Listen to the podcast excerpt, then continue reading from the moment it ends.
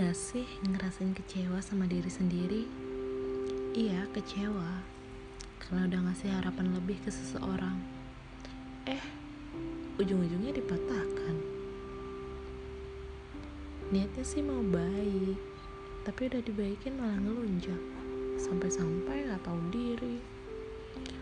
Mau udahan malah datang lagi. Diberi kesempatan, malah ngulang kesalahan lagi sampai akhirnya sadar dan capek juga. Ya udah nggak mau lanjutin lagi.